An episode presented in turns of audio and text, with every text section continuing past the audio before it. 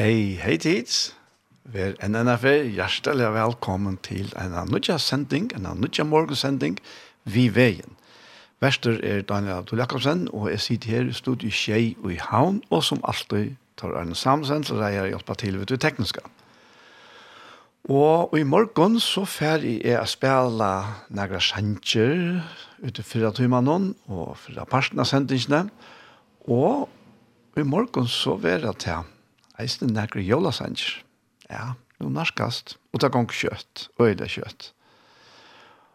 Og så fer jeg eisen at lesa og holaja ur biblene. Og i morgen vet det om Abraham. Og om at han var rett forstørte vid skikv.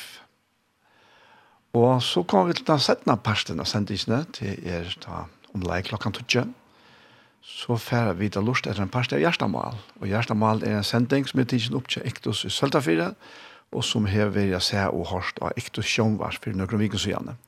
Og i morgen så færer lust etter jeg som parsten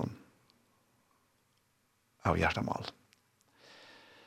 Tid til, men uh, vi færer at letja fire vi... Uh, Ja, jeg vet ikke hva å si at det er mannskål, det er det nok ikke, men det er menn som synsja, Og hette er fra mannstevnene i Sarepta og i 2006, og sankren er Lucella Vissa.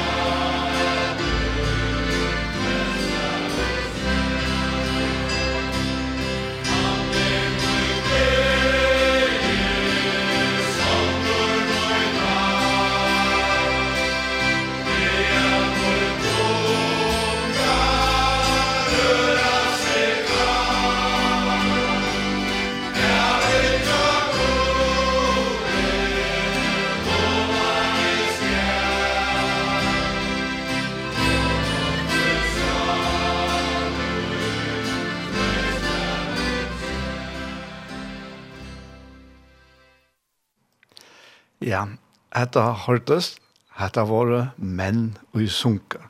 Og hetta var sangre Lucia Lavissa, en oppdøk fra mannstene i Sarepta i 2000 og tjei.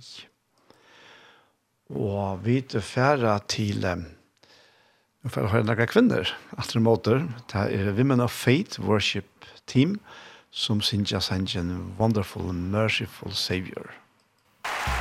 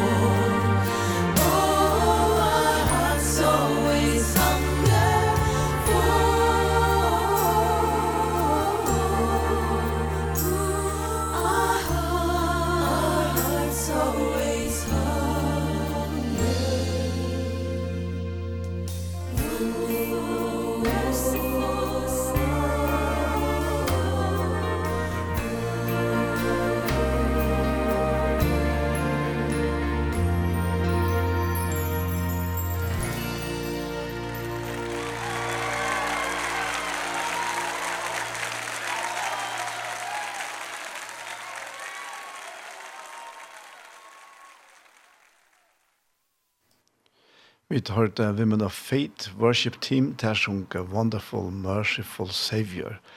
Og den første sangen i spalte til var fra en mannstevne, og mulig var hette fra en kvinnestevne. Hadde har gått en live opptøk. Og han er ikke tutter, men jeg prøver lykke kanskje jøngenga ned. Underfotle, miskunnsamme frelsere. Dordarfotle, enderløsere og viner. Hvor skulle du huske at et lamp kunde bjerga manna salon. Radjeve, trøstare, verje, ante, okkon løngjust at fauna. Tugdjeve vogn, ta okkara gjørstur vognlest er og vilst.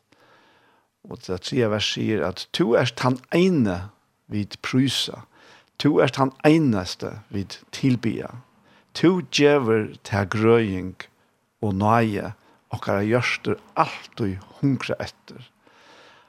Allemåttige evige feir, trofastur, elskar til tøyne. Her og i okkara veiklega finner du okkon som vid nøya fire tøynare trådene. Ja. Sera verksanker, det må man sige. Kanskje hun finner på at tøyne til først, det er jo deilt. Og fra kvinnon så færer vi til ena kvinne som heter Herver Sabina Torskelsedje. Det er den første jolasankeren jeg færer å spille hese jolene. Og det er sankeren som kallas for jol, fire med. Musikk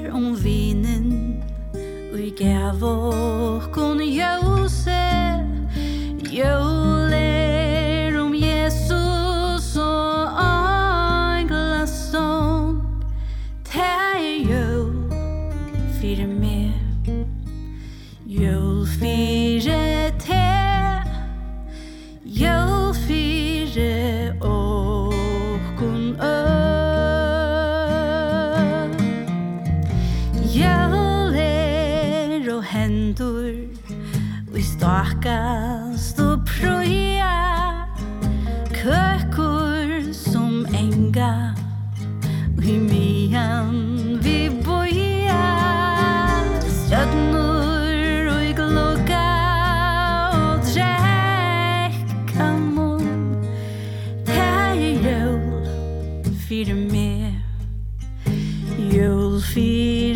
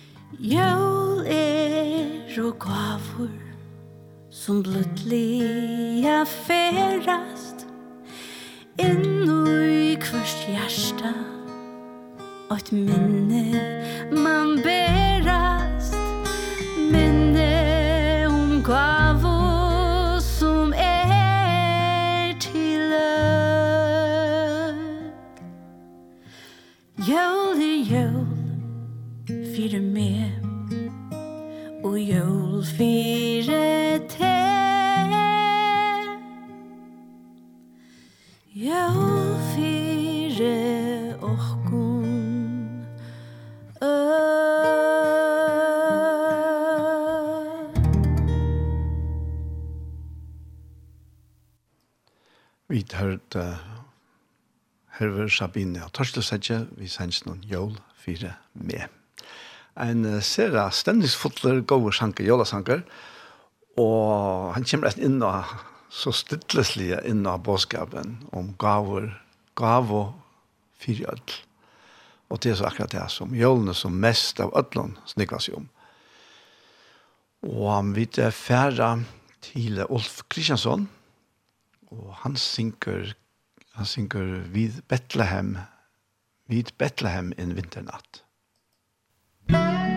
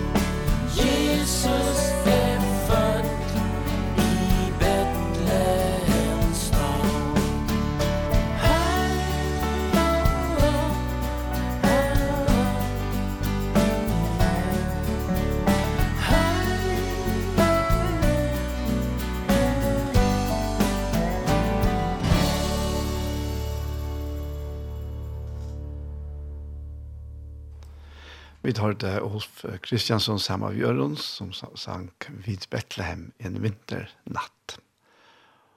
Og nå atle meg så affære at lese og holde igjen. Som jeg nevnte så er det om Abraham, om det at han ble rett og kjørt ved sikv. Og hva det er så til kan man spyrja. Men jeg husker om at det her, at det her man kan si at faktisk löntarmålet som ligger mittlen til naturliga og til andalige. Og i verleggene så er jo det naturlige underlagt til andalige. Og vi sykja det i Hebreabraunen, her stender i 11.3, at vi trygg fæta vid at heimeren er skapter vi åregods, så det ikke er av hinnom kjønnelige, det som sast er våre til. Det er kjønnelige, det er det andalige. Kjønnelige er tøymlet, og kjønnelige er evet. Og det er så den andalige dimensjonen, som er undan ødlån. Alt skaperverket som vi er, som som ja, människa manna att den röner allt allt allt vad man kan för jag finner det och hur hänger det samman. Och det är helt enkelt löje tog tog jag vet är skapt Guds mynd, så vi är vi kunde granska och, och ransaka och vi kunde trycka och vi kunde låta vara vi att trycka. Men Hebreerbrevet sier också till att det är till okänliga. Det är eviga, det är andaliga som är attanfyr allt det är skapta. Mm Så her synes jeg vi eisne, når tog så tydelig koblingsene, vi synes jeg så øyla negvases, men at jeg sier det så øyla greit, så tydelig koblingsene i middelen til andalige og til naturlige. Nå um, nevnte jeg om Abraham, og vi kan godt teka noen vers her ur, uh, kanskje bry her vi, Rombrand, enda av tre kapitlet, her som uh, Paulus konkluderer, og sier at tog halta vi nu, at menneska verur rattvus gjørst av trygg utan lovverk. Og det som rattvistgjeringen fører vissar er nettopp til at vi kunne være godkjent, eller være godkjent av gode feir. Og bæra vi rattvistgjeringen som er av trygg. Og han spyr så her, etla er god best god jødana, Er han ikkje eisne god hetningene? Jo, han eisne hedningene, så satt som god er ein, og skal rettvis gjøre hinar omskårene, og til altså jøder eller ikke folk, av trygg, og hinar og omskårene vi trunne. Gjera vi ta vi trunne loven at lunches, men igjen så, nei, vi stedfesta lovene. Og så kommer han inn er, i fjøra kapittel inne på Bei Abraham og eisen av David, Men vi får halte oss til Abraham og i Hesier sendingsene. Og han sier, han sier her, at han spyr her, hva skulle vi ta sia at feir okkara Abraham hever vunnet etter holden om? Vær etla bleiv Abraham rettforskjørt av verskon, hever han nega rosa seg av. tau, ikkje for gode. Tøy hva sier skriften, Abraham trove gode, og tever rakna honom til rettvise. Og jeg halte at så færre vi da vendt okna sinte til Abraham nå, og i første målspåk, vi kjenner jo søvna om Abraham, fra Bibelen eller fra skriften, og vi vet at Gud kallar Abraham ur ur i Kaledea og kallar han til et land som Gud sjálfur skulle vise Abraham. Eller Abraham som han er til ta. Og Abraham kommer så til landet, og han er her, og han, han blir ekkert ryker eisen her, og han hever eisen bror sånn lott visser, og vi kjenner så til søvn om her, at her blir bæger så ryker, at her begynte jeg å bli tranglet her, her våre og, og tær um, hirane tjat heim og byrja så at klantrast. Og Abraham, han er, um, han er familjekærer, kan vi godt sija. Det sutja vi ut fra tog som er til. Han sier at han ikke strøyma vera mittlen okkara hirar, tøynar og munar hirar, og helst mittlen okkum boar. Så han, han, hever, han, ver, han ver en større personlighet. Tøy, det er jo han som hever lott viss. Og allikevel så leter han lott sleppa at, at velja det som han vilde, av talentet og som han vilde hava. Han slipper velja fyrst. Og, og, og lott han hikker rundt om seg, og han ser Jørgens latt, han ser hvor så fantastiska frukta godt alt er her. Så han er ikke senere, han veler seg det beste som han ser. Og han helt kanskje at det var det beste, men... Uh, Men det beste la för framme til Abraham. Men Abraham han var i äldre och han han lät Lot välja Og um, så er det godt uh, tås av Abraham. Etter at jeg är ferdig frak for en øron. Og ta sier, uh, ta sier god vian, jeg kan skal lukke slå til oppe, jeg snir ikke ordentlig notere meg til han nier her, men uh, det er skal være nok så kjøtt funnet.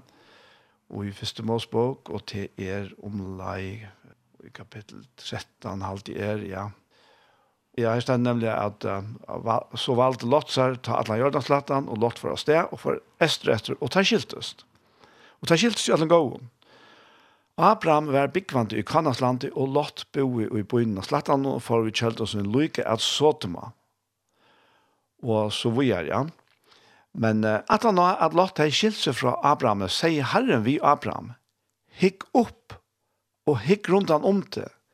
Hene som til stenter, norretter, soretter, esteretter og vestretter. Alt landet ut og sært gjev her og avkom til avgjertøyer. Jeg skal lete avkomtøyt være som dusti av hjørne.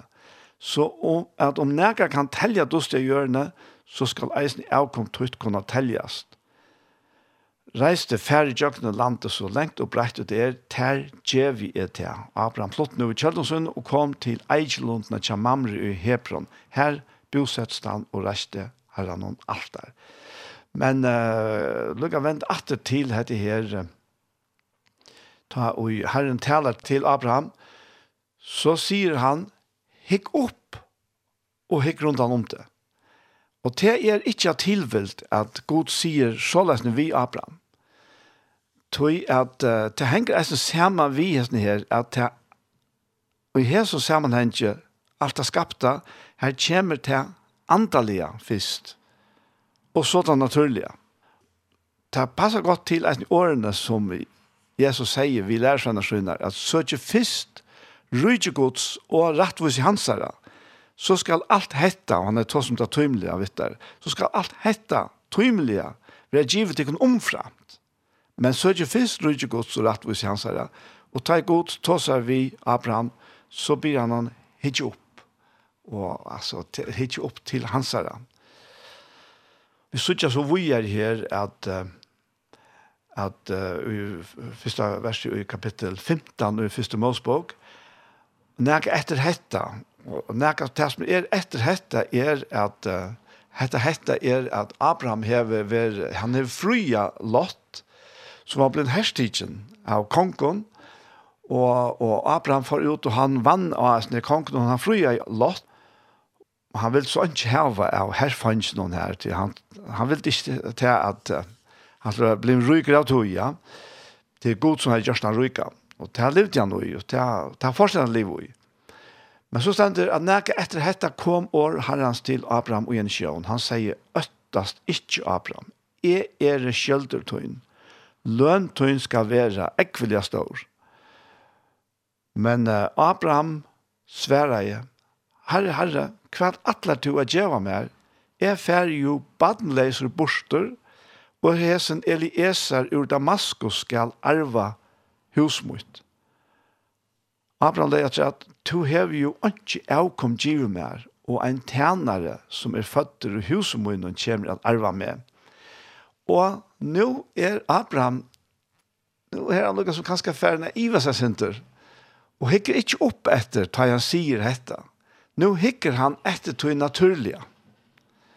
Og ta naturlige sier okkon, og så er det eisen ut til naturlige, er vi heva en avvisa tøy, vi kan kanskje si en avvisa tøyer ui okkara tøy, hver vi ble født i Endanheim, og vi vekste opp som bøtten, og så kommer vi til den voksne alderen, og så fire de fleste, så blir det helt naturlig at finne seg merke, og å sette bøtten i verden. Og dette var, dette var det som Abraham hoksa i. Han og Sarai, som kalles da, det er ikke baden. Det er åtte ikke baden og det hadde boia langt. Og det hadde boia så langt at Sara, hon miste tåle. Og hon fyreslå så Abraham at han skulle bare få, få baden vi trelkvinne til henne. Og på den måten han skulle han så lukka som fikset her, men... Uh, og dette her kunne vi så lese om i 16. kapitlet. Vi, vi, var, vi er her i 15. kapitlet, Og, og at han var at gå til å tale dette vi Abraham, Hesaferna, jeg sier feriene, så, så er det hun finner på det. Og, og det, det, det var, det, det var rett og. Men uh, åren vi kom inn i 16. kapittel, og her som, her som Sara hever fyrslig hetta, så sier Stendert her, men da Abraham sagt om han her Eliezer ur Damaskus skal arve husmøyt, Men ta svärar Herren, ta kom år Herrens til Abraham, han seier, nej, han skal ikke arva til. Ein ui kjemur ut ur tunnun egna løyve. Han skal arva til. Så får Gud ut vi Abraham og sier, hikk opp mot i himmelen. At det nu hikk oppa. Og vita om du kan telja stjøttenar. Og han sier vi han, såleis skal avkom tutt vera. Og så stender det her, Abraham troe herranon, og han roknaje honom til, til rettvise. Og så var det, og i 16. kapitlet, hver suttje seg løsnene tja, tja svarer hver, og han bare letter Abraham, at Abraham få trelkånden sine hakkar, og gjør faktisk Abraham ordrer til at han skal få et baden ved henne. Hette er så moneren og han, hvordan god løser en troblegge, og hvordan menneske løser han.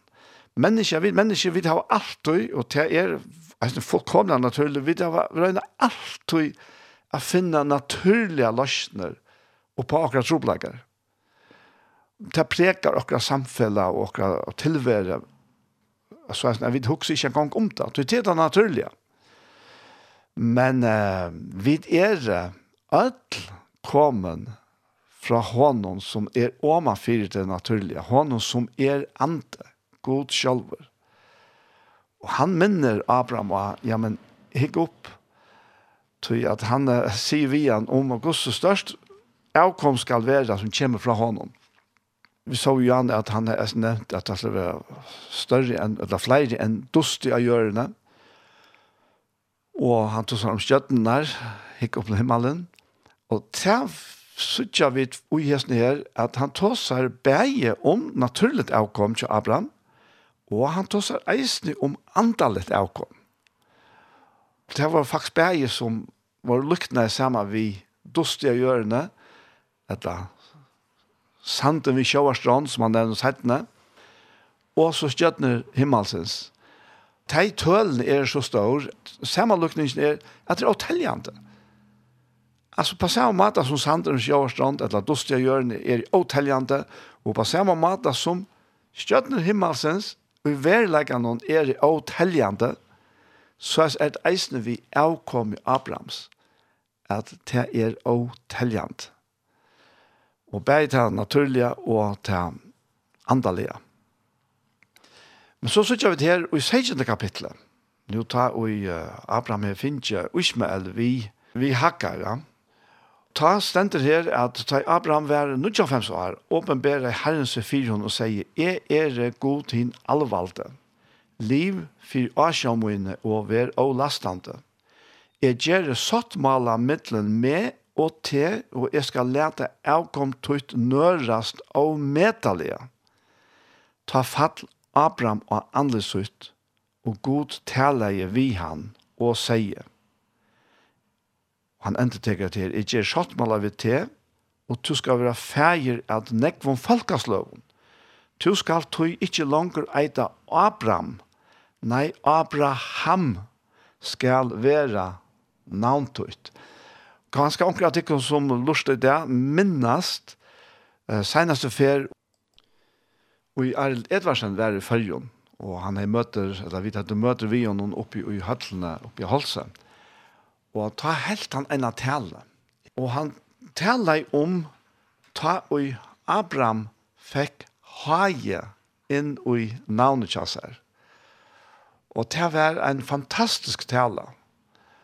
Han visste jo hvordan Abraham var den naturlige menneska, egentlig god tale vi han og djever honom navnet Abraham som Arne Edvardsen sier, så stender haje for, for jeg kunne si ha, så er det akkurat som en andre drotter.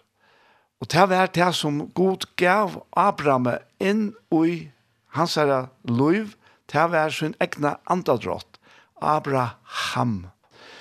Og det er så akkurat det her, at det er naturlige, og så heter det her andalige. Jeg får ikke si even ivenaturlige. Det er nekk større enn det. Vi tar oss om det naturliga og det andaliga. Det var her og i, i god faktisk gjør mer enn bare at han legger grunderleie fire at han kan gjøre henne til sottmålen vi Abraham og gjøre Abraham til en feir at falka sløven. Begge ut det naturlige, tegjen tåsar vi han åren, nu tåsar han om det andalige avkommet som Abraham skulle få. Og, og her sørger vi, vi kan lese her i Galaterbraunen, her kommer Paulus inn og til, hver han sier her i, i tredje kapitlet, og han her, her skjelter han faktisk Galater her ut, tog at nå er det her ferne fra jeg har ikke opp etter til å hitje etter det naturlige. Og han sier visst at de kila leis Galater hvor ganda tikk tid som Jesus Kristus var maler for egen som krossfester – Hetta eina ville få vita fra tikkun var det av loverskon, tid finke andan, etla av at høyra utrykv. Så løyde skilja tid, til byrja vi i anda, ferdig no enda i holde. Så nekve hadde rønt til åndsjes, om til å ta er til åndsjes. Og så sier han, han som nu gjev til kun andan og virka krafta gjer til kram, gjer han til av lovverskon, etla av at hit høyre trygg, eins og jo Abraham tro gode og tæve rakna honom til rettvise. Tøy skulle tid vita at de som er av trygg er bøtten Abrahams. Og vi til at skriften sa framan undan at det er av trygg god rettvisker hedningene, så gundgjør de hon framan undan Abraham til evangelium, altså tann gledebåskap, at ui ter skulle ödel falkaslø vera sikna. Så vera ta teg som av trygg er å sikna man vi hinnom tryggvand til Abraham. Tog så mange som halda seg til lovversk er rundt bannet, skriva er jo bannar vi kvart han som ikke vil verande i ødelen tog som skriver i lovboisen som han gjør til han. Og at andre vil rettvis gjøre det for god vil lov er skillet til rettvis skal liv av trygg. Loven hever ikke vi trinna gjøre, men han og gjør Hetta skal liva vittøy. Kristus kjepti okkon leis undan bannelovarinnar, ta han var bann fri okkon, tog skrive er bannavur er kvart han i hongra treie, altså Kristus tog til banne og se, Kviv, jo, fire er sikning Abrahams, kunde ui i Kristi Jesus koma iver heitningarna, så vidt vi trunne kunde få andan og lova over vær. Og her verer dette her alvorlige kopla saman. Vi sutja så øyla tydelig ut fra utlesen her at at det byrjar alt skaparverset byrjar vi til antallia og er fer i tjøkkenen til naturlige men så vil Gud kalla okken opp etter til til andalige, hitje opp etter til han søkja fyrst rydgjegods og rattvise hansara. Og nå leser det så øyla tydelig her i Galaterbraun, hva det gikk ut på? Jo, det er at loven som forresten kom lengt 18 av Abraham, hon var jo banne for alle mennesker, for alle manna 18, men Jesus Kristus, Guds soner, han tok til banne av seg, da han var hongt opp av seg av Golgata. Så er det at vi er der fri, Så att vi i det här är vävren är öppen än i själva himmelen. Så att vi får fullkomliga lot och i tog andaliga, tog ärviga, tog okänliga, men så valsikna verliga innan och jokom. Hände här sikning Abrahams. Vi da var spalt i Ola Sanger og først spille omkring og tredje eisene. Og det er så akkurat det her, det her koblingen i middelen til andalige og til naturlige. Det var det som hendte i jøl. Ta ui god in evige gjørts menneske. Det er så få og Jesus Kristus som menneske. Menneske er holdt og blå. Fire, at han kunne nå, eller røkke okken, som var skjelt under syndene og under bannen, og ikke kunne komme gode nær.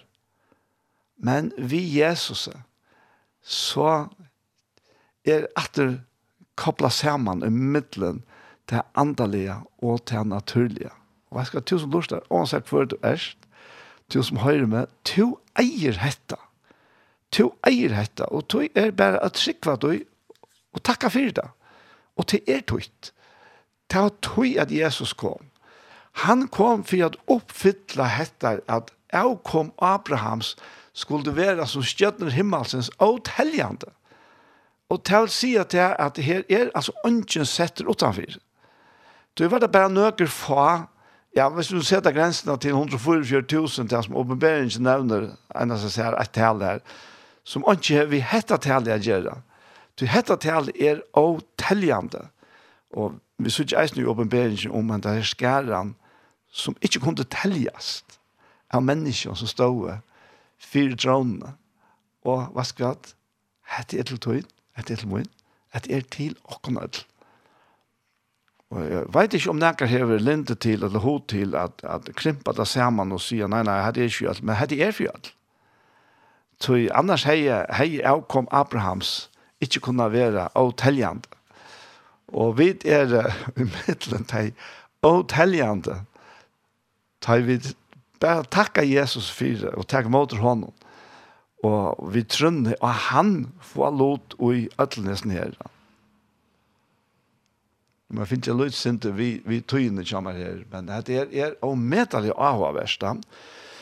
Men vi sørger faktisk at det her at, at Abraham, han, han får å flenda, faktisk. Du tar god sier alt det her vi han, og han uh, gjør en eisen omkjøringer uh, tekne og på sattmalen som var mittel han og god, og, og, men, men han er givet jo noen til åren at han var rett og kjørt av trikva. Så rett og kjørt av trikva har ikke vi loven å gjøre. Rett og kjørt av trikva kom åren loven, og åren omkjøringen. Men framvis sier god vi Abraham, og Abraham, Sarai, konetøyna skal du ikke langer kalla Sarai. Sara skal være navn hennara. Hon fær så eisen etter haie, som vi ikke har høyra føreskånd, oppi endan av navnen. Sara skal være navn hennara. Jeg skal signe henne, og jeg skal eisen gjøre at her sånn vi henne. Han hei jo finnes jo Ismael vi hakkar, men jeg skal eisen gjøre at her sånn vi Sara. Sara Ja, jeg skal signe henne, hun skal være til folkesløv. Kongar iver folkesløven skulle komme av henne. Ta fall Abraham og andre sitt og leie. Altså han får ha flenne. Og han sier i hjertet sin, skal en hundre gammel få bøtten, og skal Sara som er halvfems og er eia. Abraham sier til vi god, hei best usmøl, liva for Asjon tøyne. Og nå er han atter her i det naturlige. Og vi sier han ikke ringa fyrt det. Hver av åkkene hever ikke linte til alt jeg hoksa i det naturlige. Helter enn at velja at hitje opp til han. Han som er svære oppa alt. Og i ødlån okkara, veikleikon og tropleikon, så er Jesus Kristus Guds sønner svære. Og tog er det hvis det hitje opp til han og rakna vi honom. Så, så men, men til, til underfotlet i utløsen her er Abraham er finnet til at han er rettviser av trygg. Og herren han fer ui her til her. Altså han ligger og svinger seg i middelen her, men han var rettviser av trygg, og herren alt det her. Og tog suttja vi faktisk ikke til etter atter uten å utja sattmalan. Alt det som hever vi vi tar Abraham hikker vi vant seg egentlig og det naturlige og på det naturlige. Så, så vil det slik nevnt og nå ikke satt med land det er ikke mye fint det det er bare det som har vi trunna til Abraham er gjerne som vi har nevnt etter her det nå ikke satt med land og det er ikke tilfeltet og vi som er kommet slik ja men altså jeg må bare si det på tamman vi detta öl ofte og då ut han naturlige. kan vi hitta på det naturlige? akkurat som faktisk Peter han steg ut ur vattnarna Altså, ta for han ur det naturlige, iver ut til andliga dimensjoner. Og ta han som var kommet her, Ja, nu ser han omstövnar och så hickar han efter naturliga jämn allt när det större ner tar färre att dräpa med Og så kommer øtten og iven og vantrykven. Men Peter gjør det eneste rett, Han røpte til Jesus. Og det kan du alltid gjøre. Selv om du er kommet til trygg, men du føler det som om at du er før vi har av omstøvende. Ja, men gjør som Peter. Råpa av han. Jesus, frels meg.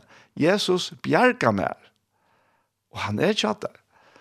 At det er bare så, altså, tar man fær eie opp på altså, sammenkoblingsene, og i middelen til andalige og til naturlige. Hvert er verande ta og i alt i og til for okkara vi kommer til her i. Jo, det som er kommet av dosten hon, det fer atter ui doste. Men det her andalige, evige, det fer atter til han som gav okkon andan. Halleluja, kan man bare sige. Og Abraham, han har så eisen en løsjen her. Han får først av flenna, men så kommer tanker om en løsjen. Som han har yngst seg, og til å være hette hei best usme er livet for Asjan tøyne.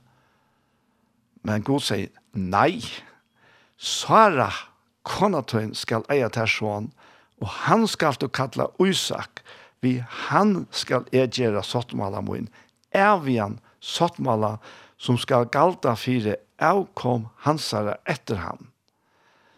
Og så tås han eisen om og Ismael, han skal være signan, og han skal være nøra, han skal være et ommetalt avkom, og så videre. Men sått malamoin gjer er vi uisak, som Sara skal eia til her om hesa tøyina nasta år. Og, og jeg akkurat tøy, kan vi kunne få vite hva kjent av er som skal fåast, så her sier Gud at år fra man undan, at du første sånn, han skal ha isak, og vi han gjør i satt med dem. Og det var så atter åttan fyra naturliga. Så det var av de andaliga. Det er etter lyfte Gud gav Abraham isak. Men tøyen hon fer, så er ferdig at um, uh, djevast her, men her er en øylandek ahuavert ui, men ta mest ahuavert er at to er er rokna i oppui sikning Abrahams, sikning Abrahams, og ta er at vi får at han nødja løyve, vi heile andan inn i okkon, vi trygg av Jesus, som er den verelige lyftesåneren. Det her var lyftesyner, og i gamle sattmalanden, som pekar Jesus, Isak er ein, og Salomon var en annar. Så trygg av Jesus. Sett ut alle han, et ångan gjørsta fyr, ja, men råpa, kattla av han. Om du gjørsta hars til speklet, til lukka mykje. Han er, han høyrer, og han er nå ryker for ødelteg som kattla av han. Amen. Vi tverra at høyra en sanker vi Phil Wickham som kallas Hymn of Heaven. Og han er så tydelig til før, så jeg får at lese han at han har. How I long to breathe the air of heaven Where pain is gone and mercy fills the streets To look upon The one who bled to save me And walk with him for all eternity. There will be a day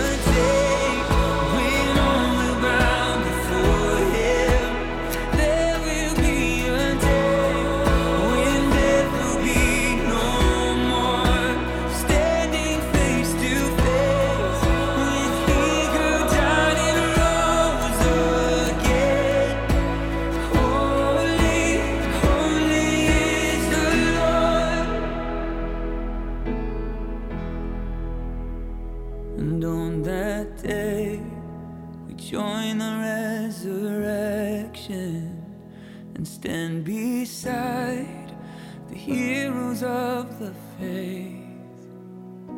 With one voice A thousand generations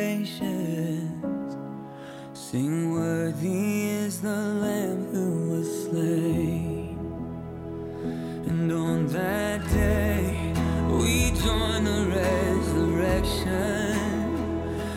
than be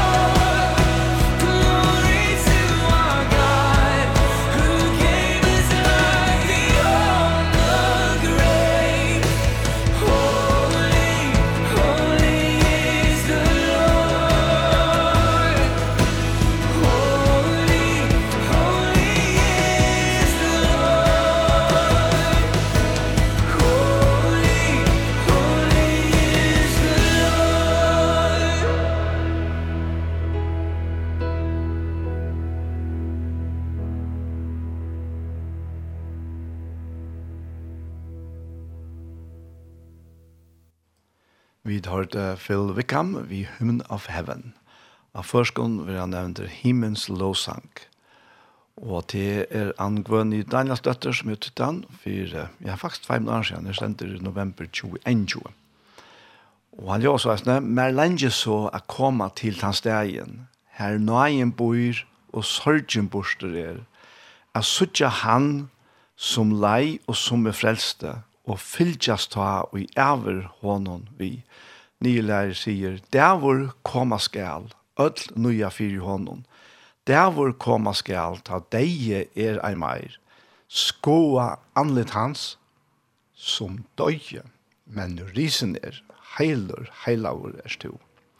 Og andre verset sier, hver ein vogn, nei, orsaka, hver ein bøn, og i vognleis løse verbien, vi sunko sang, og i trygg, tå ivenbeid, ta struer av, og Jesus kommer atter. Ta alt det godt, kvørst tar han torska skal. Og tria, sista verset sier så, men det er et annan nile eisne som vi takkar. Tria verset sier, «Hin stora det og i oppreisen vera saman, li om li, vi troar hedjonon, eit sameint kår av tusen atterlion syngur verdut er Guds offra lamp, og i æver ræver han. Og da setna Nilei sier, så kom i ødle det og synge himens låsang. Vi heilavån og enklon råpa vid i kår, æra til vår god som okkon loiv gav handangrøv. Heilur, heilaur, er stu. Ein flott sanger. Og hette er akkurat det. Hetta som byrja i ut i antallia, ut i oceanlia, ut i avia. Det er for atter at enda her. Tå av vi eisne sydja og lese om, men det er vi eisne av til antallia og av til avia, er nu så er nudjan himmel og nudjan gjør.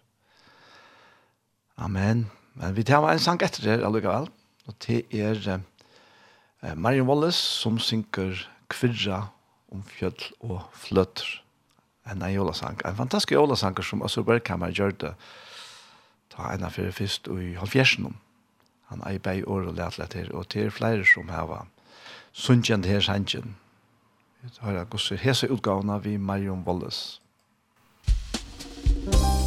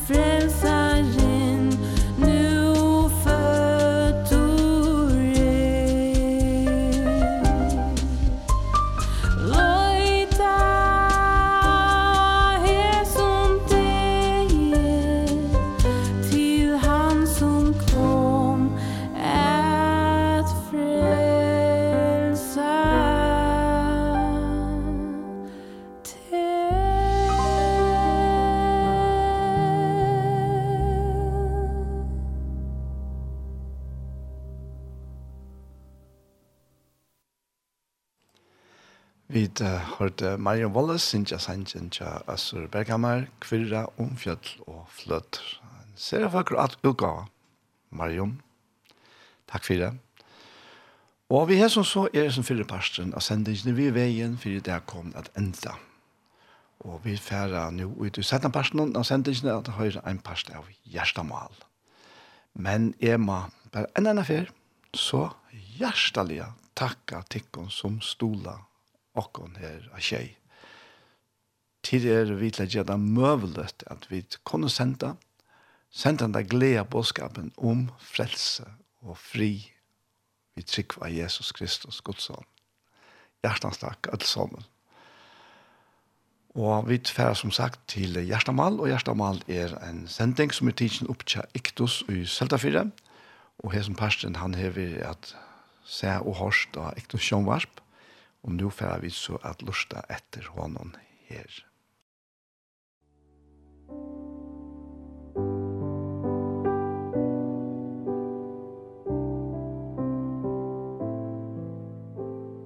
Hei, hei tid, så er det atter her vi har nødgjent parste av Gjerstamal.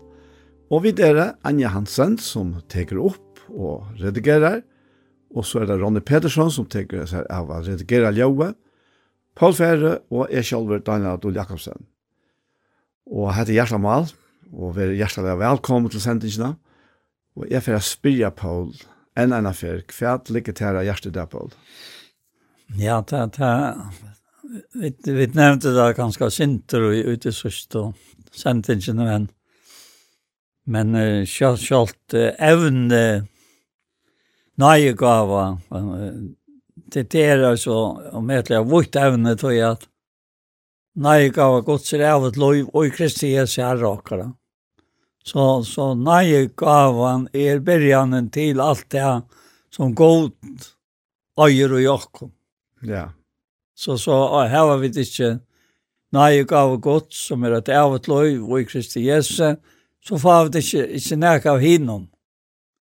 Og tog sier han her og i Rambraun 11 og 8, eh, Paulus i Sverige nu har gått räka av folksöjt. Men igen så, Øysni er jo Urshalsmævor, av av kom i Abrams, av at Benjamins. God til ikke vreka falskut, som han kjente framman undan, etla, vita det ikke hva skriften sier, her hun talar om Elias, hvordan han støyer fram fyrir god mot Israel og sier, Herre, profetar tøynar hava tar dripe, etla tei dripe, altar tøyne hava tær rivenior, og er i ansmadler etter, og tei litja mer etter løyven. Og hvert svær fær han ta fra god. Jeg hava lett tjei tusen menn være etter til moin, tøyru ikkje hava bøkne her fyrir Baal, det var avgodren. Så det sier øysene i tøyene som nå er, altså nå er vi inne i nøye tøyene, lavt våren etter at nøye vel, men er det av nøye, så er det ikke langere versk, annars er det nøyen ikke langere. Hvordan ta? Det som Osra løyter etter, er det ikke finnes, men henne utvalgte har finnes det. Henne er våren herd, som skriver er, God gav dem svøvnanda, eio til ikkja suttja vi, og øyro til ikkje at høyra vi, lykka til hendande. Så her, her ligger nekka oi som, som hever vært framfyrir med, mm -hmm. at nøyen er ikkje, hever ikke vi leva å gjøre. Nei. Jeg som jeg sa ut med jeg lese her, til er det er han sier, men er det han nøye, så er det ikke langere av verskom. Annars vil nøyen ikke nøye langere. Og det som Elias faktisk gjør, eller er ui, han er ui verskom. Tøy at han, han her, her stender at uh, hvordan han stod fram for god mot Israel og sier Herre profetar tøyne har det drivet, alt er tøyne har det drivet nye, jeg er ensom atler etter å ta litt mer til løvnån det er akkurat som om at han helder at alt avhenger av honom. At, og av hans er verst, og nå, er, nå må han fortelle stjøren, så jeg sier det på den måten, at her, her er ikke gjøre, men så kommer nøyen inn. Altså, dette er nærkast så øyne standant, det tror jeg, som for å vågjøre vidt det samme, Tog til han spyr og gjøtlen til han høren til et av verset. I spyrjen jo hava teg ta snava fire av fatla. Men igjen så nøy. Vi fatle torre er frelsan kom til høytningarna for at hetta skulle vetja teg til olvara. Er nu falt torre høymen og rujtjedøme og er minkan torre høytningen og rujtjedøme. Hvordan mykje møyre ikkje teg i taltorra være fullt. Og så får han ta seg til høytningene. Ja. Alltså det är et, et, et omskifte i oi, oi, oi Atlon som hever vi götar och høytninger å gjøre. Ja. Høytninger som er gjøt, om blev kallade er. Alltså råkna av sig akkurat det samme som, som Elias här råkna sig av det. Mm. Är Alltså, ja, ju vi med. Ja. Och här, här var det faktiskt att jötar ta. Ja. Men, men det han säger, jag spyr nu här att snava fyra fattla minnen, så nej, vi fattlat här i frälsen kom hedningarna. Så huxar jag till att uh, detta fattla måtte komma. Fyra av vi kunde släppa på i pasta, men det säger man så eisne till at god er vitt dem og i fattlen han har ikke sleppt den. Selv om det kom jo øyla torfer av tøyer Ja. Så det kan han ikke. Han kan ikke, han kan ikke släppa dem. Nei. Han kan ikke släppa nøkna timer som han kallar søgne. Altså, det er i grunden best et omskift. Ja. Fra, ikke fra tøymon, men ser man vi tøymon. i fatle er heimen og rujtjødøm. Ja. Og er minkan tarra høytningen og rujtjødøm, som ikke mer ta, ikke ta i tal tarra vere folk, altså ta i tal tarra vere folk, hvordan fætta du det? Ja, jeg, jeg vet ikke akkurat, jeg har ikke ordentlig hoksa snakk om at det er, uh, hvordan mye mer ikke ta i tal tarra ved folk. Nå vet jeg ikke akkurat hva tal tarra om man Nei. Men av hedningarna det er alltid det som ofte ser vi utlagt til. Nettopp. At det er tallet av hedningarna vi er fullt av. Og det er det sikkert eisende, ja. Uh, ja. Ja, då är han säger för att vers 13 till tickara i till hedningar. Ja. Så satt som är er, är er hedningapostel. Prøys jeg en på at møyden. Om vi tar kom vakt at møyna etter holden hun til alvara, og han frälst nøkker av tøymen. Tog er det heimen hon sattar gjer, at de er vreka, kvært ver til at ta åttan løyva av degjum, ta i teiver av hakna. Er frumgrauren høylavur, så er dodje ta vi, og er rauten høyla, så er det grøynaner ta vi, og så framveis. Ja. Alltså hade det här sida nog så väl. Sida rätt väl och och en tanke som jag har haft länge tog det er at uh, at jødene hava, at Israels folk for å samle alt det her, de har haft en, et øyre tungt og harsht kall i seg. Tøy, at de var kallet til å bære til som ikke kunne bærast, nemlig alona. De, de finke kallet til å bære alona, og herren visste framan undan, og ville de eiste fram han undan, eller vi tog vysa at dette blir stila. Og det var nemlig låna. Så det var kattla til en oppgave som er omøvelig. Ja. Mittel anna, det var jo eisne kattla til at bæra, bæra frelsaren inn i heimen, og ut herra, altså, ut herra falskja. Så, så det her, det er ikke bæra kattla til, til fatle, kan man säga, i samband med låna, men her eisne kattla til at bæra frelsaren inn i heimen till och till bäget til jötar og hetningar. Ja. Men allt detta måste hända, detta måste gänga ut, akkurat som det har sagt om Jesus. Så måste detta gänga ut äst i samband vi jötarna. Ja. Att det var omgångslöst at det kom til et punkt hver og i Og hva er skjeringspunktet, det er jo Jesus selv. Og vi hånden, han har ikke satt med alle. Så, så er det også til at det som heter Katle Beruis Ja at han sier sånn i kapitlen at, at nei gav søgnar og katt søgt enkla god ikke. Mm, akkurat, ja. Altså, og, og du ser det her nå fordalt i middelen, altså. Løyka for løyka til jøder og høytninger. Mm. Og jeg, jeg vet ikke hvor jeg heter, er, er blevet mer så dyrabart. Jeg har lagt merke til at at uh, hvis du genker inn ui til en nøyga, så herren atle i ter er liv og uja, og som han kattla det til, og han brukar bæge kattle og nøyga hona, ser man atle tøyina. Og, og dette er min personlige rønt av honom, at han kattla det til, jeg færre her, etla til tampersonen, etla bare å sted, og så er det her som tog brukar i til av vilka människor. Mm. Och, och, og lykka som forplantar hesa nöjgavna till et annan människa till nöjgavna som jeg nevnte i början när jag nöjgavna har gått sig lov Kristi Jesu här råkara. Och, och kommer du till et människa vi vet du farløyka som hända nöjgavan djever til her som Herren djevet er av virke og i at han var at han var frelste, så hever han langt og gjørs forarbeid til at hese tar meg ut. Mm. Det har vi ofte opplevd. Ja, ja.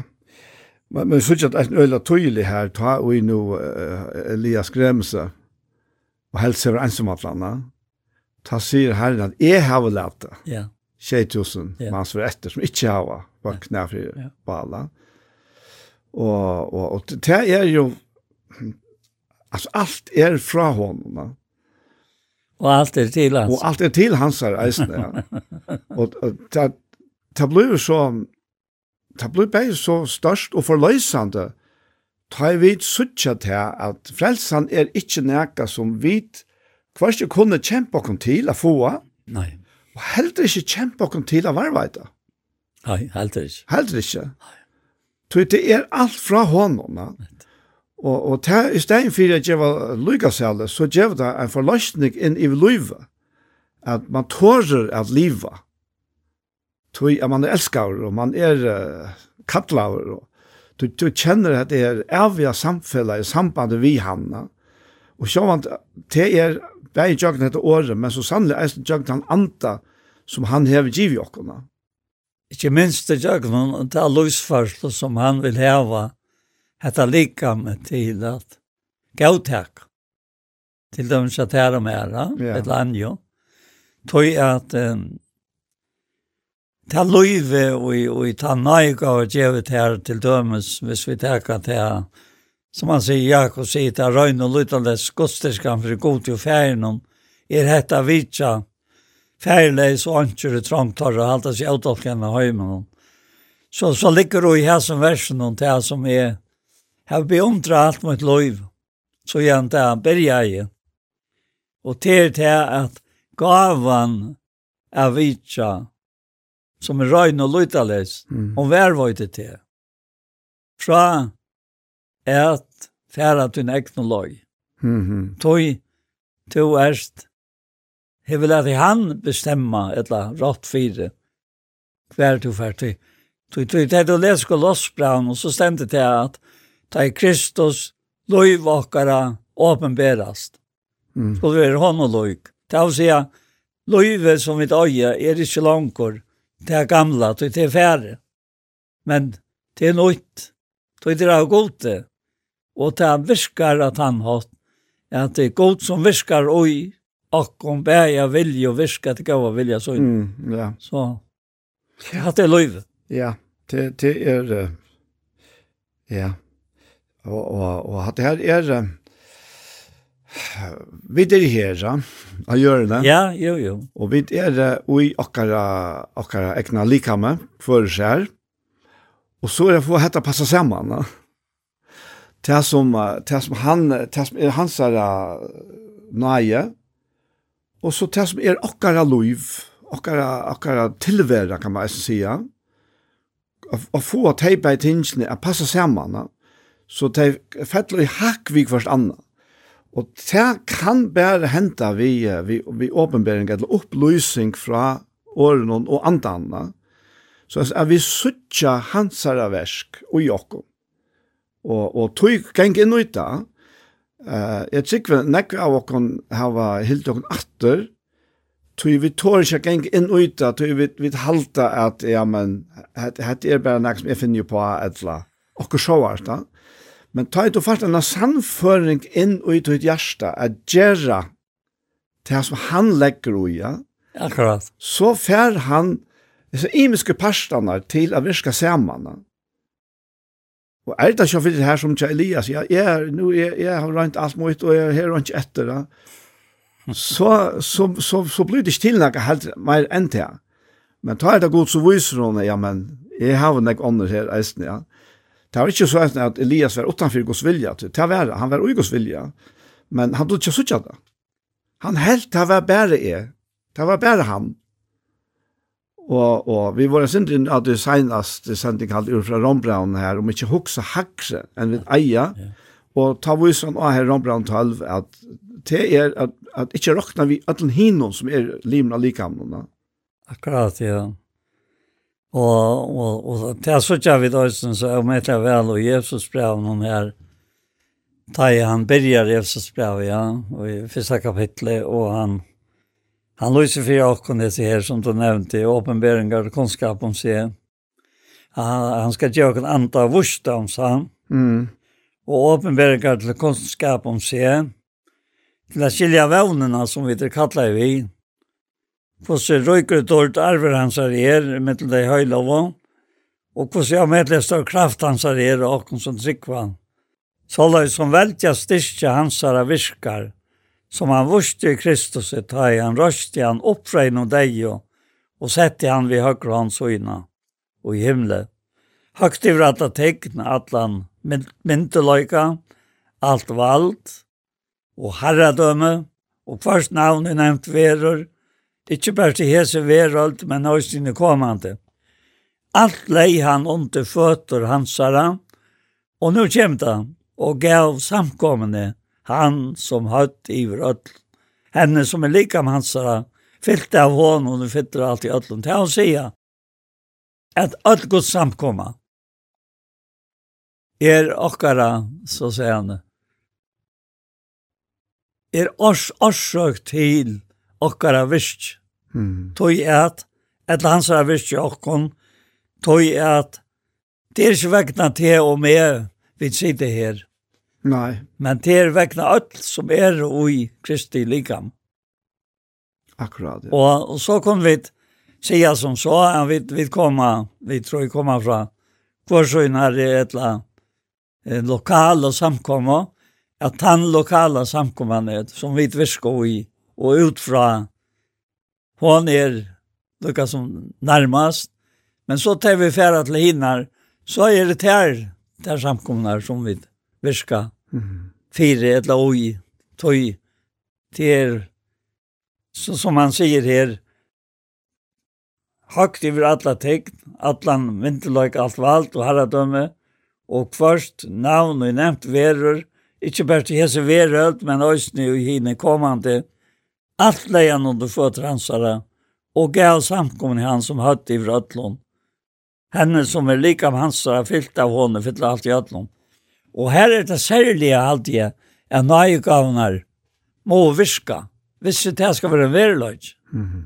At alt kjenner dette, at øye dette, ser man. Ja, ja. Altså akkurat som at likan viskar. Ja, han, han sier det nesten her og, og i fyra, her, og i fyra korint uh, og i, og i, og i fyrstana. Ja. Her sier han, han er så øyne inni i nøy gav her, i Time of Dream kapitlen her, i 11, nei, 12, 13 og 14. Og så sier han her, han sier her, så lest eisne vi tikkon, ta i tid nu troa etter hinnen andalige gavon, lærte det ta vera samkomne til oppbygging til røyna få det her så ryklige. Ja, det er, um, vi, Man man pleier å si at en og hver er seg selv og nasta. og det er nok ikke noe liknende ut høy, ja. Og det er nok eisen her ut fra at han, han, han sier det her, ja. Tøy at ta fylgjer en omedelig glede vi a virka ujan er nøygav, etla unøygavona. Og tann gleden kan nesten bli et mål for i seg sjølvona. Så at vi søtja nøygavna, för jag får gläna. Men han säger att uh, enda målet vi till helig är att vi får nöjgavn och gläna vi nöjgavn till er att ånder. Att samkomma som held som du nämnde ju ja? Ja. Ja. För säger han östen här i första versen, stävn i att det kärlekan. Ja. Trai etter en antallig gavn, helst etter å profetera. Då är han som talar i tonkon talar inte för människan, men för godet. Ongen skiler han jo, han talar i andan noen landarmal. Men så ser han det her, men han profeterar, talar menneskjon til oppbygging, anmenning og trost. Og Og, og at det her er til, til, til jeg var, jeg var omkort da jeg, og jeg fikk kvartsresen her, på en tøytning til heie, at tala de tryggvande til anmenning, eller menneskjon til anmenning oppbygging av menning og tors til, til en fantastisk tjeneste at her vi en samkomma. Mm. Vi til nøye av gods og, og er given, ja. Og, og samtidig så var det altså sjølvforløsende, vil jeg kalla det. Ja. At vita til at dette er og vit og ikke er. Akkurat, ja. Akkurat uttrykket. Ja, ja. ja. Og i øynfeldt i hjertan så gav teka, Rekos nage, som talar til öll og roktar öll loika, og gjevut dem avloika naikaver fyrir at likam skal vera først fyrir å gjøre verst, mm -hmm. som han er høver at. Ja. ja, det er, det er så at det er ønsken, ønsken av okkom som fer alt verst at gjera ensamalt. Ångast dess, nærkant heim og nærkant i søvne, nærkant er det gjørst på tamadan, men han ser likan. Och och så plus det och i stället för att övont en en en någon hej bara haft han så en öka av till dem bara se att till stottlekar. Så hej men hade bara en onta först. Ja. Hade det kört lite, va? Men så oj hetta vit och nej kan man finna. Kus kus man gläjest över tajta fajtjes. Nej kan ju göra. Och och det må jag säga er åt det som som Paulus säger till tråan og, och, och vannmöjne och Filippe Brown att det jag ska vara skammar. Men när Kristus så nu vi som alltid kan vara dörmätare lika med mojnon vet han nu lov vet av vi deg. Så jeg lever med Kristus och deg i vinnenkor. Så kommer han og sier det men, men om til jeg lever alltså i närgående, det må være det som han snakker om. Mm kommer avvokst av versemøynen, så vet ikke hva jeg skal velge. Jeg vil hova færre i henne, og være så kristen, til men kan man kan betre, men å være være til tja, tekkon sier han, de tryggvande i, i Filippi, nerver, for tekkere skuld, og så vet jeg skal være verande til her, tekkon til frem og glede i trønne, og ta en samkomma trøyvest til frem og glede i trønne, så hever det godt. Mm. Akkurat. Ta, ta, ta kommer den sannlige avvoksen som Jesus sier her, Arna for å løye dødja, at tid har vi ikke utvalgt med. Jeg har utvalgt tikkene, og jeg har sett dem til det, tid skal være ut og bli avvokst, så avvokster tikkere kan være vi, mm.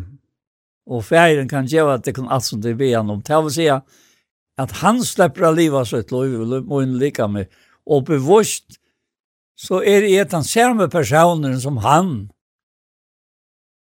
Tog han er mer, og er i honom. Og så så tjene i øtlen inn og nøysen. Ja, hadde hadde hadde Røyla vel sagt, ja. Ja, du hadde jeg ikke hatt noen ut. Hadde ikke hatt noen ut, du. Og akkurat her døme som han, Paulus, teker fram om at det menga bedre færre hian, ja. Og ta hokser han om seg selv, ja. Men så ser han tørven, så ser han teg, som han vet at han hever nekka a bæra, som kan virkelig hjelpe dem. Og så, så tenker han vel det her, ja.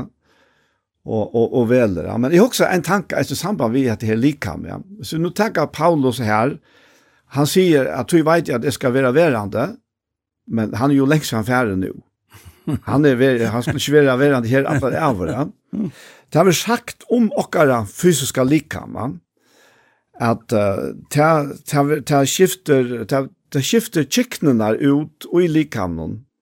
Så at at, at han har tjej år så hevt onka gamla chickni etter. Og hvis vi så ganga til vi tutja, etla, etla vel det kan skal være, men mittlen har fjers fors av 500 år her alene, ja, men ta, ta er ungen etter av teimen som våre. Nei tøyene og ærene. Men tenk vi dette likam Jesus er, som er samkomman, eller kyrkja som det eisne vil brukta. Ja, men det er løsfrukst alle tøyene. Det er bare skift noen kikner ut da, så kvart, eller atler ut så kvart. Men løyve og anden er hins samme. Ja. Og tøy ver hette her, vi heile andan hon, vi okkon som er limer av likamnon, vi trikva Jesus Kristus, så ver det faktisk formera vujare til atterlig som kommer, så, har så lenge som Herren vila. At det er ena standand. At det er helt ena standand. Det er det har rått mot Elia seg da med meg om hans kikknene der. Ja. Og en av fire øye. Fortalte meg hvordan det er fire helse om en lika, om hvordan det endte noe kjøst. Ja. Og, og, og nevnte jeg ara til alle som til nevnte, ja. Og jeg, jeg har omgang til glemt det etter til Det huxar huxar där till visst du bara fer ut vi tar så ofta nästa vers igen. Tror mig så vi inte mält om så utvars människor har gång till grundar alltså nej. Ja. Men så långt som allt det här blir utskift. Ja, så så är vi ju om det kan kan kan kalla grundar. Det det det allt smakar samman. Och inte kan möra. Mm. Så färar vi det. Men så Och jag vet hit lika med. Så enter nu just det. Ja. Invarses människa akkurat där från dig. Ja. Till trångten, jag kan kalla gruntar, i stockt og lött. Jeg viskar okkurna større og større iverflå. Jeg vil ha fytling av tårt. Vi til at vi har ikke det kjønnelige for jeg, ja. Men det er kjønnelige. Det kjønnelige tog med litt. Det er kjønnelige det er av Altså at det er så holdt enn standande tog. Til han kommer ut i femte kapittel, så får han ikke bruka til ham øyre men minns han det. han säger, tog er det alltid horest. Mm. Ja, ja, ja, ja, det är akkurat det. Och hade eisen tamenten som ligger uten i naturen vid armvärerna som tar en så gånger till grund där. Ta kommer till han fackraste sommarfågeln ut Og så la seg da, etter vera vi tja okkona, at ja, vi, vi eldast, og vi, vi gengar til grunn der, men det som er innan i okkon, ta det som er frikiv, ja. Og eisen samband vi opprestene fra en dag, altså, ta er, det er, altså, det er så størst at det er ikke la fjata. Men, men god til lagt av trikje av seg sjolvun, og sin atlan og i skapana verskja. Vi så ikke at det er bare i årstøynen, altså, Nu för sommar tjockna hatla nog så fitt eller det ta gången han vägen. Vi vet att nu är gråren och ständer han inte i bästa blomma hester fra, fra marskast, og det som er, er vaksen, jeg sommer, det skal hestast inna. Ja. Og vetren kommer vi så innom, og så er varer atter her, og så er alt ta det altså, eksploderer i, i, i skaparversen, som alle tøyne ender nudjas, ja. Ja. Og, og for at inn i detaljene i skaparversen, nå nevnte jeg bare ormveren og sommerfoklen her, ja. Allt detta pekar fram i måter tog som går til Atlan vi synon Och vad så vi tittar spelen om. Här här ser han till att att det nu har det avväxt. Ja. Och så sier han enten är outloj. Akkurat, ja.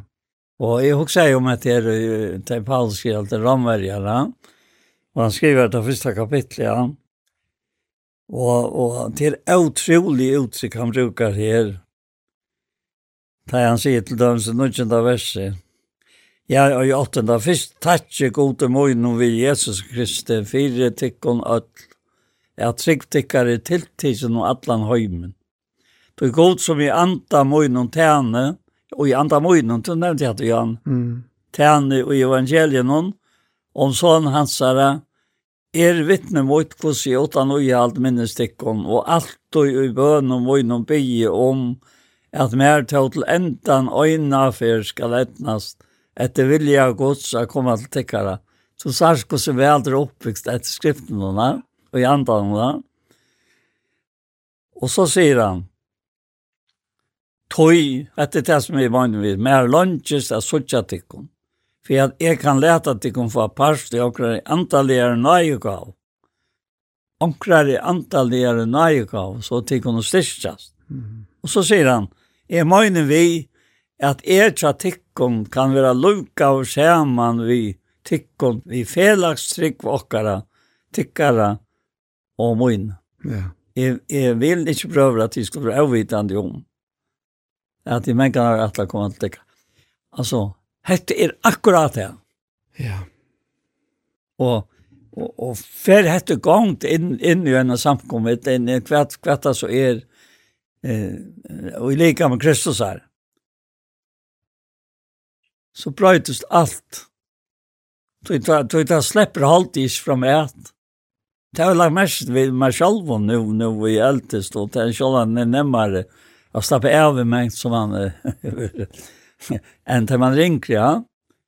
At leter du han fylla til vi tog som gåva, de gava lage gavon som han hever til alt lika med seg ser, og til hvert åt, åt, åt, åt, åt, åt, Jag tror jag så också om som jag säger om man hade vers i av möten i Kjörskvalde. Jag började möte i test i Kjörskvalde. Så jag vill inte släppa sig till om turen är sorg och det som är värre och hur uppbyggt det är. Alltså. Men men har upplevt det här är att ta och livet ut under nöjgav, ett att det nöjgav som han, han hever jeg var ikke man giv mer, men som han arbeider vi med noen lika med. Så, så sier han her i endan at vi versen og jaks fra honom. Da han sier at røyne og løyde det skosterskan for god til færen i rett at vi tja færleis og åndkjør trångtorra og halda seg avtalken høymen hon. Så påstand det, mine vekna, at, at liv i og i nøygaven, tja hånden, så heldur hon med røyna fra. Ja. Altså, nei, ikke han selv. Ja, ja, men, men til det som man sier, jeg er i rom 8. Ja. at livet er annet annet. Akkurat. Så fullført ikke Jim Tolsen, sa han. Ja, akkurat sam. Ja. Og, og at det her er noe som vi alt eier til gåer, eller eier retten til, og er alle til å bruke, ja. Og, og vi kan føre at inn i alt okkara liv, og, og Og som du sier, Janne, at vi er utlåst i alle sammenhengene at det er fælt det som kan hente. Og det er, er så akkurat det her, jeg husker til dømes om vi skulle standa og eller roa leis og gjennom støv, ja, som mennesker. Men vi eier, vi trønner Jesus, som er høver likamsøns, så eier vi løsnene fra hånden om hon er han som vi huxar eller ikke, det er lykka mykje, og kan gå fettelig travi til han som vi kanskje huxa, men det er ikke nødvendig. Det kan ofte være akkurat helt annet, men, men gjør vi til som han hever fyrir okkona, så uttrykker vi han, og ikke okkara menneskjanslige, fallna, holslige. Akkurat. Hvis det er ja. ja. Og det er, altså, det er hans enda mål vi okkona ner. Og vært ikke fyrir til at han, han er et enda mal vi jokken her. Ja, men så kunne akkurat bare sammen tid jokken heim så kvarst da. Så var vi vekk, så kvarst vi var tid jokken trygg, så var vi slett kjera. Men han vil, det er det som spør vi eisen sier, han vil at vi skal være hans proklamasjon og i sånn myskre og i sin anda heime som han omtaler, og tar det ikke akkurat bare menneskene han omtaler, det er først og fremst ande her ønskaperen i himmelrom som han, han er ute etter og i Efsosbrevnene, tog vi bare det akkurat ikke vi holdt og blå. Og det, vi sier ikke ofte bare holdt og blå, men vi skiljer ikke ta, ta makt av ønskapet som er 18-4 og styrer det. Ja, akkurat. Men han vil uttrykke seg i jøkken og sina samkommet. Så det han uttryckte ju jag som sanchen om kvart vi är. Ta og igjen sa och i mer. Hva sa han ta. Ja, kvart sa han ta. Ta sluka skam och straffan bär. Vad sa han? Han sa att det är underfotla. Och ser det. arren, mm. till verlöjtjen. Hvis han ikke sa att arren till verlöjtjen, så har jeg ikke kunnet være, være løg i åkken. Det er ikke på at jeg, han ser hatt og åkken. Åren, for jeg gjør at vi åpenbering og oppmerksom på, så er det så gjør det. Du er trygg.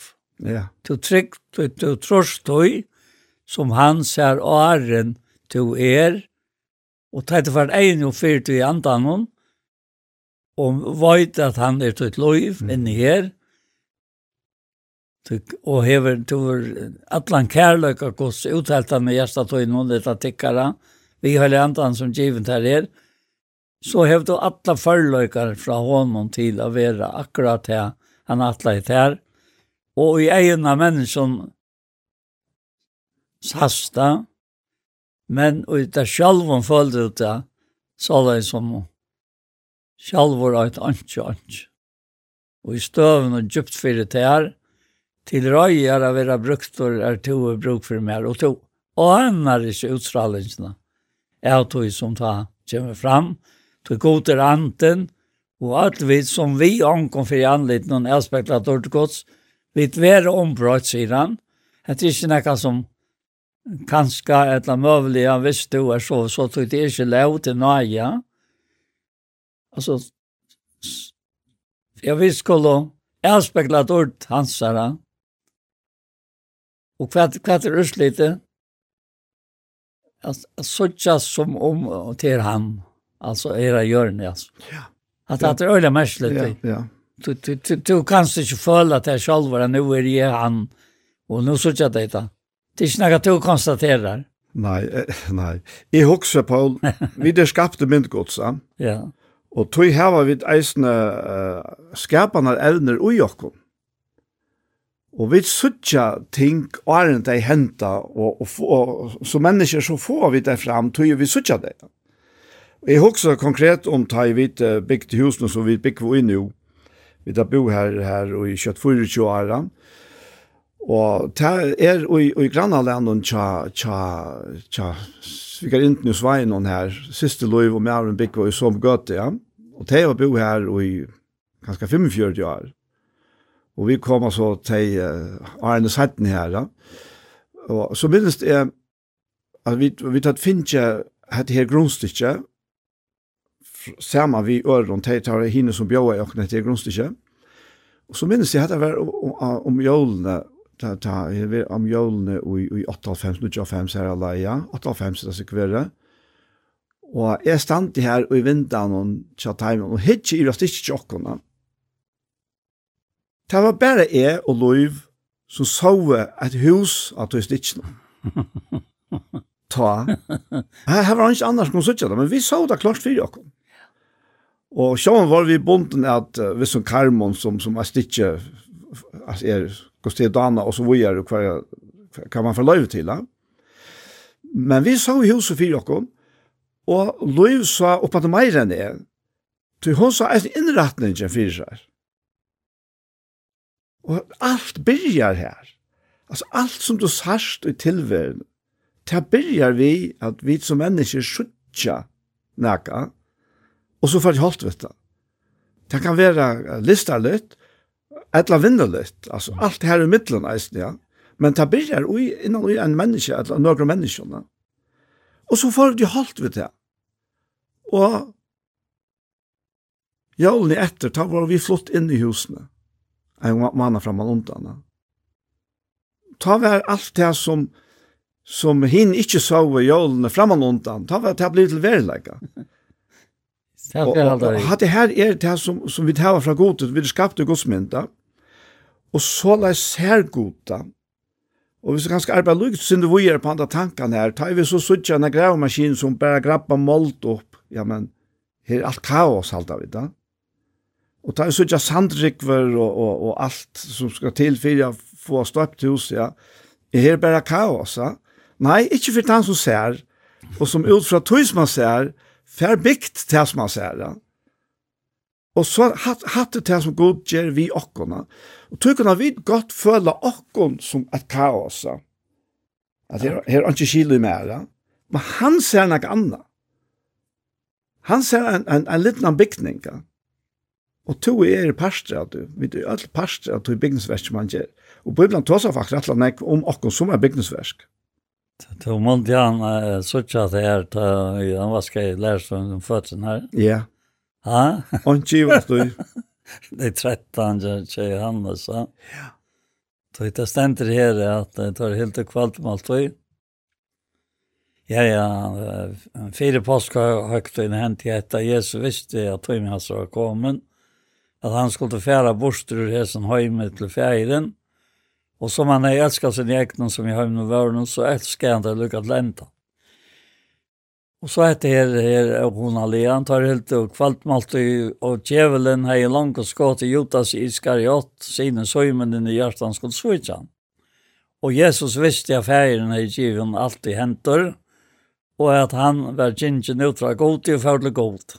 Altså, øyelig motsetninger, og Jesus er fakta, men hva sa han? Tar oss han ser fra Måltøy, nå legger klær sin i Elser og tog løgnklær opp vant og fyrir seg. Og så helte han vatten i fæt og for å vaske lærersvøyden og fødselen her. Og torska i tøym og vi løgnklær han og han er i leta bont og fyrir seg. Og så skal jeg svære inn i detaljen her, Peter, han ville bare få han å vaske seg, alle som han var. Men det var nok vi fødselen hon. Og så fortsatte jeg vidt. Jesus svarade honom, ta nu bäver er. Honom nöjtes bäst att vaska sig här om fötterna, för han är röjner allt som han är. Och tid är och röjner tog inte allt. Attler till han visste kvar han var som svits han skolte. Tog säger han tid är inte röjner allt. Alltså. Mm. Och så tar han hej vaskat han om fötterna, lät sig oj i kläderna, sett sig attor till bors sier han vi tar skilja tid hva jeg har gjort vi tikk. Hva sa han? Han sa det som vi snakket om. Ja, akkurat. Ja. ja. De kallar mig herra, etla morstar og herra, og de sier ratt, etla satt, tog er det.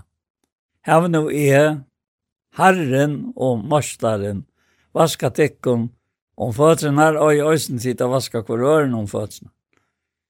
Tog e har givet til kom fire døme, at de skulle gjøre som jeg har gjort ved tikkum. Sannelig, sannelig sier jeg tikkum, og nå kommer vinten fram. Tænaren er ikkje større enn Harry Hansara, og jeg helter er ein som sender er større enn han er sendt i han. Ta i tid vidt hetta, han sæler tid om de gjør det.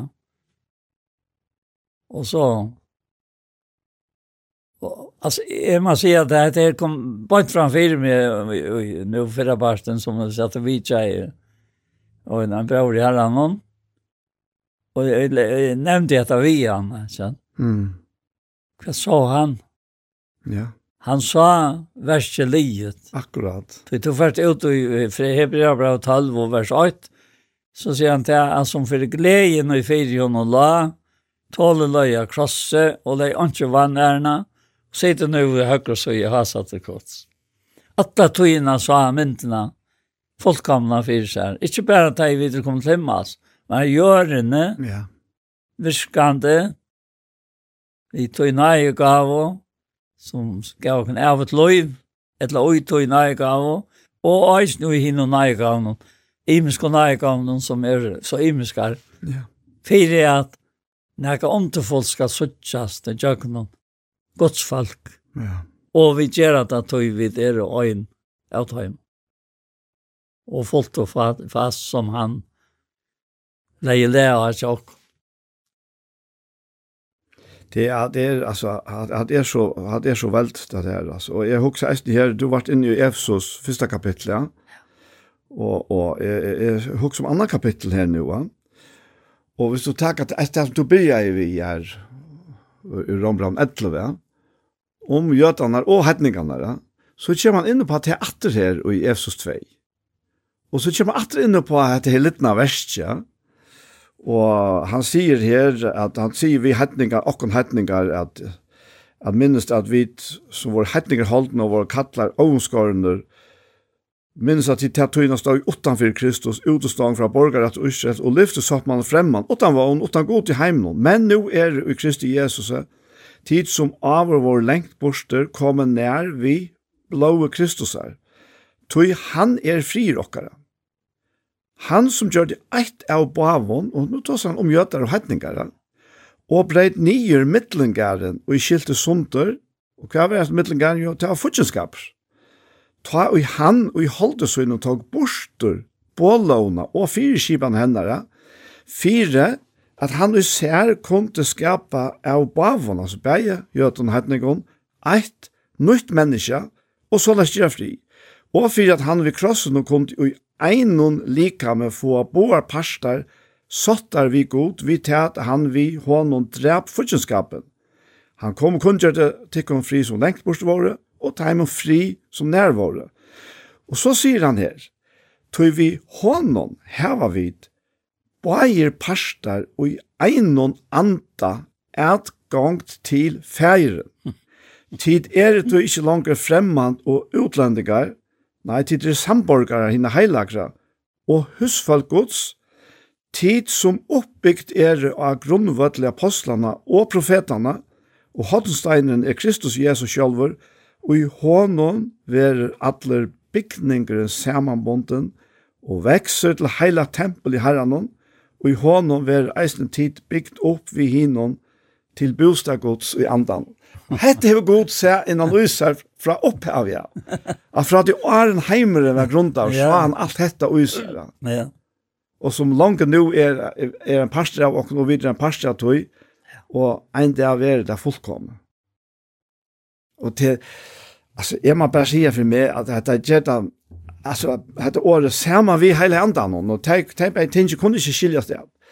Så är det här en en så massiv glädje och vån och vantan att och hon är så verklig och hon är så verlig eisna och och det är så i samsvär vi det som Gud ger och det det det som han så som han lejer och fram här i Lövn. Hette det som du eier, hette det som vi eier. Hvor eneste ene av oss. Helt annan stand. Ja. Mm. Det er, altså, henta frelsa er så stor og dyr at det er, hon vil omgang til lust nå vel. Nei, men jeg vet kanskje gjøre vel og at uh, venta lødsenter til tidsbrevet, og tidsbrevet også nek om laikos. Mm. Det er bare 30 kapitlar, og da viser dere ordentlig at dette er løyve. Kosta kosta farmas tjokom. Og i Guds na. da han sier til at nøye gods, kapitel 2, vers 11, til nøye gods, er åpenbære alle mennesker til frels. Så kommer det her, og hon vener okkom opp at avnokta godløse, og innan veranlige kjernter, og liva samlige rattvost og antallige, etla godlige høyvnås som nu er medan vi vanta hina sæl og vøvn, og åpenbering dørtar hinn ståra gods, og frelsar okkar Jesu Krist, som gav seg sjálvan fyri okkom, og at løysa okkom ur öllum lovløyse, og rønsa seg sjálvan oknar folk og gitt gauversk. Tala hett og amen og refsa vi öllum myndløyga, at han kan vannvira til. Altså, det er bare så vekkert. Ja Tui, tui, han, han tåsar ikke bare når han får komme, og så er alt godt. Men, men året lei her, medan vid 13. vers, medan vid vanta innan sjæl og vøvn, og åpenbering, åpenbering dyrtar hins stora gods og frelsar okkara Jesus Kristus. Alltså hoksa. Ja. Ja. Det, det er, altså, Tajma nu, som vi dessa lötna, få, få löv till att suttja och se ante knyter sig här, allt ett år samman. Så alltså, vi suttja faktiskt halterna och känna halterna. Sjåvand er det som han sier her i 4 Korint 13, vi suttja bråtorna og vi skiljer i bråtorna. Men det fullkomna kommer. og ta det fullkomna kommer. Ta det fullkomna kommer. Ta det fullkomna kommer. Ta det fullkomna kommer. Ta det fullkomna kommer. Ta det fullkomna kommer. Men, men at er at er bare, at er så, at er så valgsikna. Det er det som han, eh, drottningen ur Sapa, sier vi, Salomon, ha? Antjottan det som tog inte satt och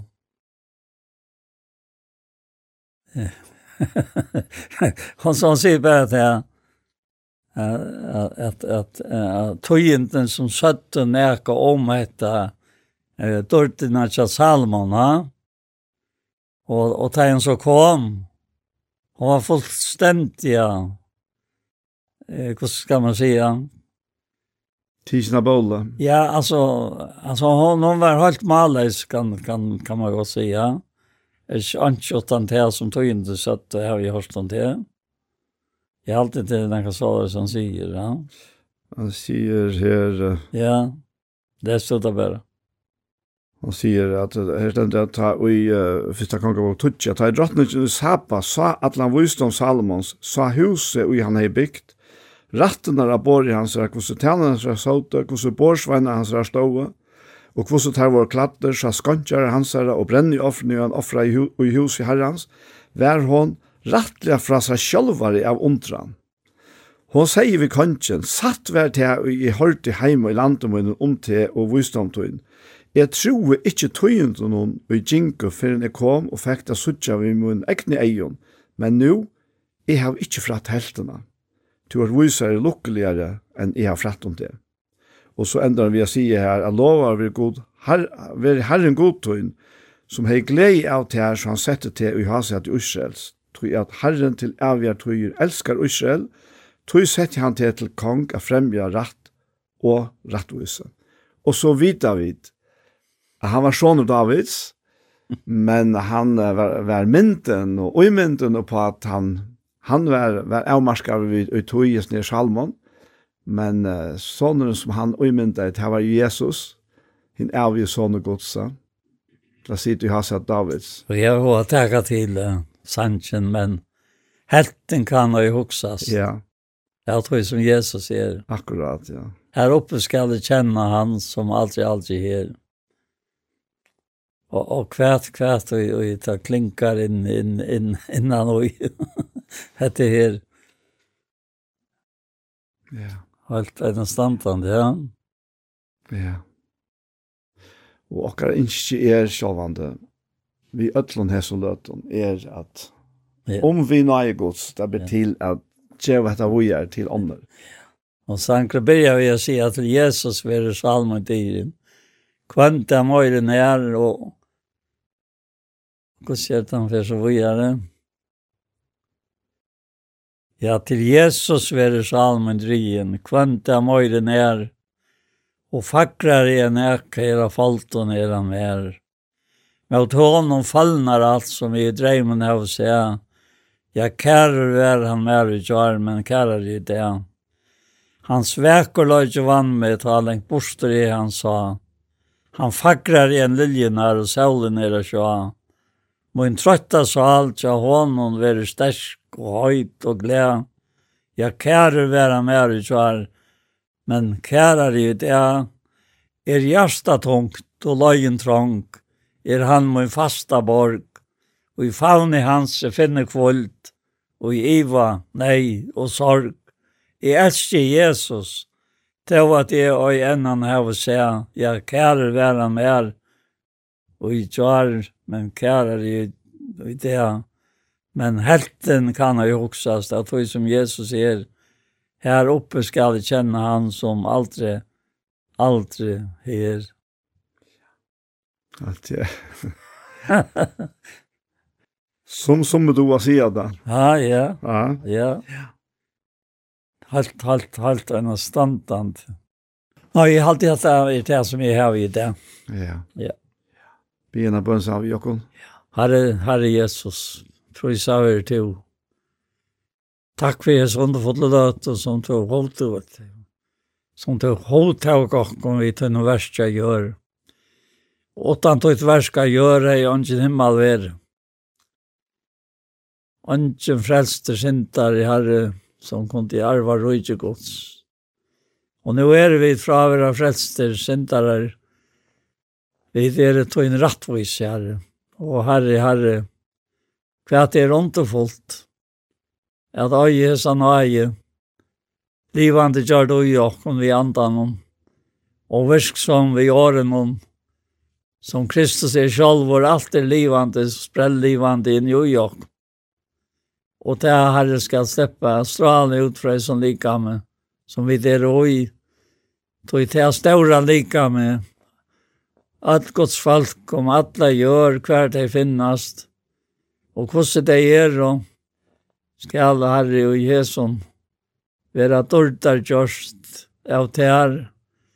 Vi til at vi leta det livet, tog et lov og i akkara lika med personliga og, og herre, hvis vi færre råkna prosent, så er det løyte av at noen talen som alltid er Så det er så mange, og her var så mange oppe i kjøkkenaltene som nå og kjøtt og en del alt skulle være sauna i høymannsjatt her.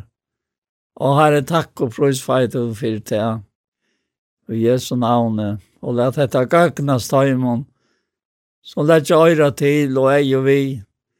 At lust etter her. Ta et og talar tutt goddansøra i ørene i Jesu navne. Amen. Amen. Og så var hesen parstren av Gjerstamal komna enda. Og vi færre at takka for jokken. Vi er Anja Hansen, som teker opp og redigerer.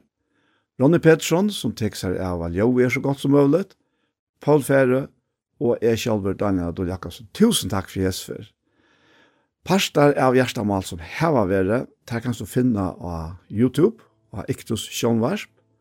Og hesen parstren, han kommer eisne at vi har lagt ut her, og han kommer eisen å være senter av Kjei, Kristelig Kringvarsp, så en annen affær, tusen takk for Jesper.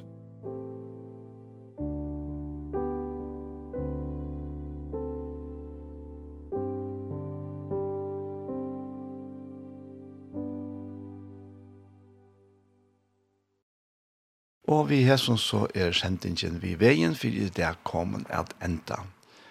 Og vi har vært ut i fyrra parten og hørst uh, Gåa Sanger, ja, nekra Jola Sanger eisne. Og så har vi eisne Lise og Holeit ur uh, Bibelen, og det var om Abraham, og om uh, rettvisgjøringene av trygg. Og ja, ser, ser avverst, halde jeg gosser, det er det, det er virkelig avverst.